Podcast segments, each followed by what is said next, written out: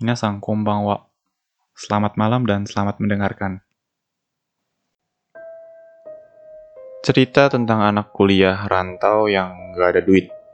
Jadi dia part-time jadi pelayan, kasir, dan sebagainya. Tapi dia dengar jadi guru privat itu lebih dapat banyak uang. Gitu, di Jepang itu ya. Cuman kalau mau jadi guru privat, dia harus daftar ke web atau perusahaan buat nyalurin dia. Nah itu dia males. Jadi dia minta izin buat nempelin brosur gitu di jalan, di papan jalan, yang tulisannya pengajar bahasa Inggris dan matematika anak SD. Satu jam 3000 yen. Hubungi bla bla bla gitu. Dia pasang lah itu di jalan perumahan dan sebagainya. Terus beberapa hari kemudian ada telepon.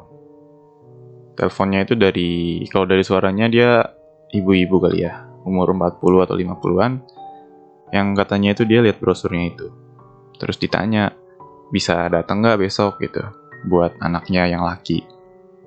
Terus katanya, dia mau anaknya itu diajar setiap hari, dan satu hari 4 jam. Terus dengar teleponnya itu dia kayak ngerasa, yang bener, satu hari 4 jam setiap hari. Itu berarti bisa 12 ribu yen gitu ya. Itu bukan jumlah yang sedikit ya buat ukuran ngajar cuma seminggu. Tapi sekarang dia pikir harusnya dia udah curiga dari waktu itu. Dari waktu di mana si ibunya ini nawarin satu hari 4 jam setiap hari dan 7 kali seminggu gitu. Tapi waktu itu dia nggak curiga sama sekali sih. Dia lebih ke giur sama uangnya itu ya udah besoknya kan dia disuruh ke sana jadi dia ke sana jam 4 gitu dia lagi di rumah siap-siap makan dulu terus berangkat. Terus waktu dia sampai ke rumahnya itu sesuai alamatnya ada sebuah rumah tua gitu kecil. Udah gitu udah agak sore ya jadi suasananya kok serem gitu. Dia mencet bel. Terus dari speaker bellnya itu ada suara ibu-ibu tadi yang 40-50 itu yang nelpon kemarin. Terus waktu si ibu itu buka pintu, dia agak gimana gitu ngeliatnya. Ibunya itu rambutnya kusut, terus kantong matanya ada gitu ya, kelihatan banget. Ekspresinya kosong dan senyum-senyum sendiri gitu. Bikin dia gak nyaman dari pintu halaman itu aja dia udah langsung pengen pulang. Tapi dia pikir lagi, duitnya lumayan. Jadi duitnya itu menang ya. Terus silahkan masuk gitu, kata ibunya. Ya udah dia bilang permisi, terus dia masuk. Masuk ke rumah, suasana rumahnya itu ya rumah tua lah ya, udah nggak terlalu kurus. Dia jalan, nelusurin lorong yang kecil itu, Terus dia tanya, anaknya di mana bu? Terus ibunya itu nunjuk ke ruang tengah gitu, di sini. Terus dia mulai masuk lah itu ke ruang tengah yang kayak ruang anak-anak gitu. Ada boneka, ada robot-robotan, ada meja belajarnya juga, ada tempat tidur. Nah di meja belajar itu, yang di pojok ruangannya itu, kayak ada anak kecil gitu Ya udah dia samperin anaknya itu. Dia ke sana sambil bilang, selamat sore. Tapi waktu dilihat lagi, itu ternyata boneka. Boneka yang kayak semacam boneka buatan sendiri gitu. Ukurannya persis anak kecil. Terus mukanya itu cuman kain putih aja gitu. Terus bagian mata dua sama mulutnya itu cuman dikasih titik aja gitu jadi kayak ada titik tiga mata dua sama mulut si ibunya itu dari belakang bilang itu anak saya gitu katanya sambil senyum bangga gitu nah terus si mahasiswa ini keceplosan dia ngomong kayak lah ini boneka bukan Dengar itu ibunya tiba-tiba marah hah kamu bilang apa? Ini anak saya. Ken namanya.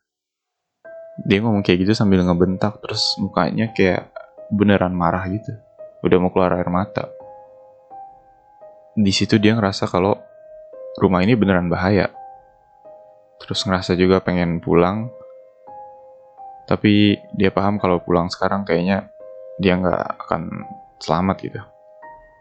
Ya udah, dia ngomong ke arah bonekanya itu. Ken, ayo kita mulai belajar. Nah, terus ibunya itu di belakang ekspresi senyum aneh lagi. Dan akhirnya mereka belajar. Tapi sama bonekanya itu. Udah gitu kerasa lama banget.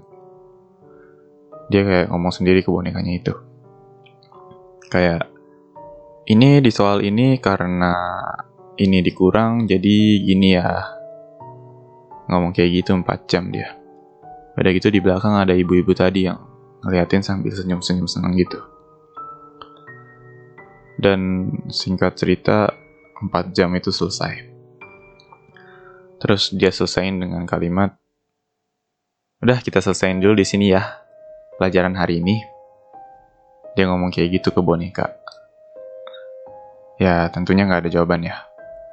Terus dari belakang si ibunya itu bilang kayak, Wah selamat ya Ken ya, udah belajar sama bapak guru. Makasih loh bapak guru, udah ngajarin Ken dengan baik. Gitu sambil senyum-senyum jijik gitu.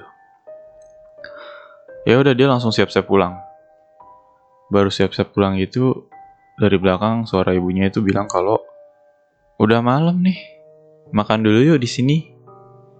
Terus dia langsung jawab oh enggak tadi udah makan sebelum datang ke sini. Sambil dalam hati dia mikir lagian makan di sini juga bakal kayak apa nanti makanannya? Tapi si ibunya itu ngotot kayak makanlah. Ken juga pasti seneng. Ya udah dia karena ngeri dia apa-apain akhirnya dia makan dulu gitu. Terus mereka semua pindah ke ruang makan. Ada makanan disediain tiga gitu ya. Kare gitu kare rice. Yang disuguhin pakai piring yang nggak tahu tuh dicuci atau enggak sendoknya juga sendok plastik yang udah dipakai ulang. Terus mereka makan mereka di sini bonekanya juga ikut ya. Tapi ya tentunya bonekanya nggak ikutan makan. Ya boneka gitu kan. Udah selesai makan dia udah enak gitu. Udah malam juga dia mau pulang. Tapi kali ini dibilang kalau udah malam gitu. Kamu nginep aja. Dan dia udah gak ngerti lagi. Dia disuruh nginep sekarang. Terus yaudah dia ngeles aja gitu. Gak apa-apa rumah saya deket kok si ibunya ngebentak lagi. Ken juga pasti seneng.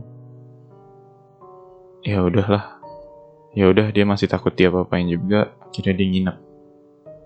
Malam itu dia nginep lah buat sambil cari celah sekalian bisa kabur kapan gitu. Nah dia itu tidur di kamar sama si Kennya itu.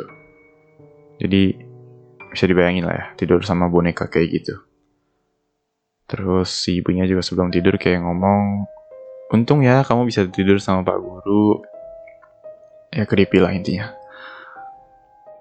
Ibunya juga pesen kalau jangan ke lantai dua gitu. Karena mereka kan tidur di lantai satu ya. Dan dia juga belum pernah ke lantai dua. Dan dia juga sebenarnya nggak mau ke lantai dua. Akhirnya malam itu juga dia nggak bisa tidur. Dan sialnya waktu itu dia nggak bawa handphone gitu. Yaudah dia diem aja di situ. Nunggu waktu. Sampai tiba-tiba udah jam 1 pagi dia sempat ketiduran gitu.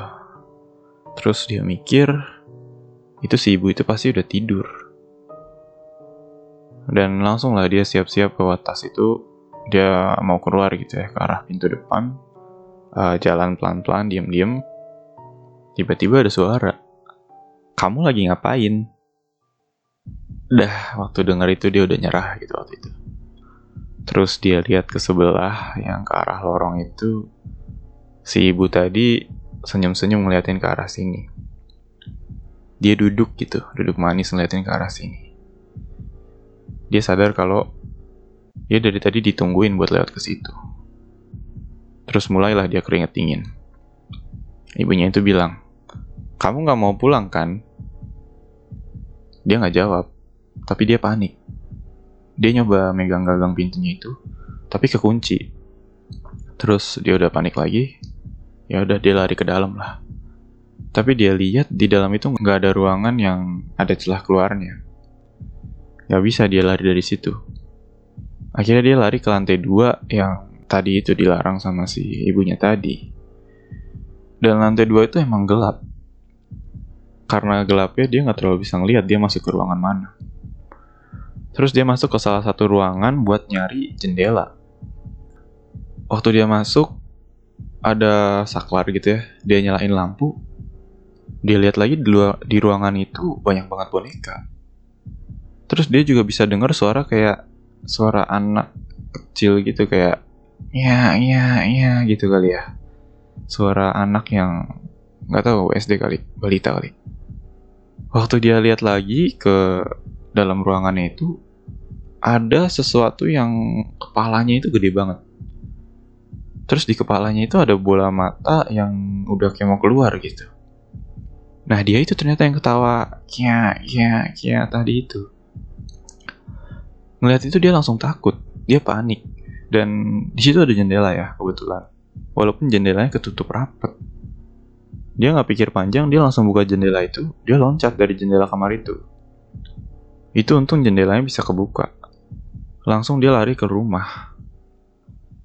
Besokan harinya, dia ke rumah sakit karena kaki kirinya patah gitu. Kemarin dia lari dari rumah itu ya pakai adrenalin aja.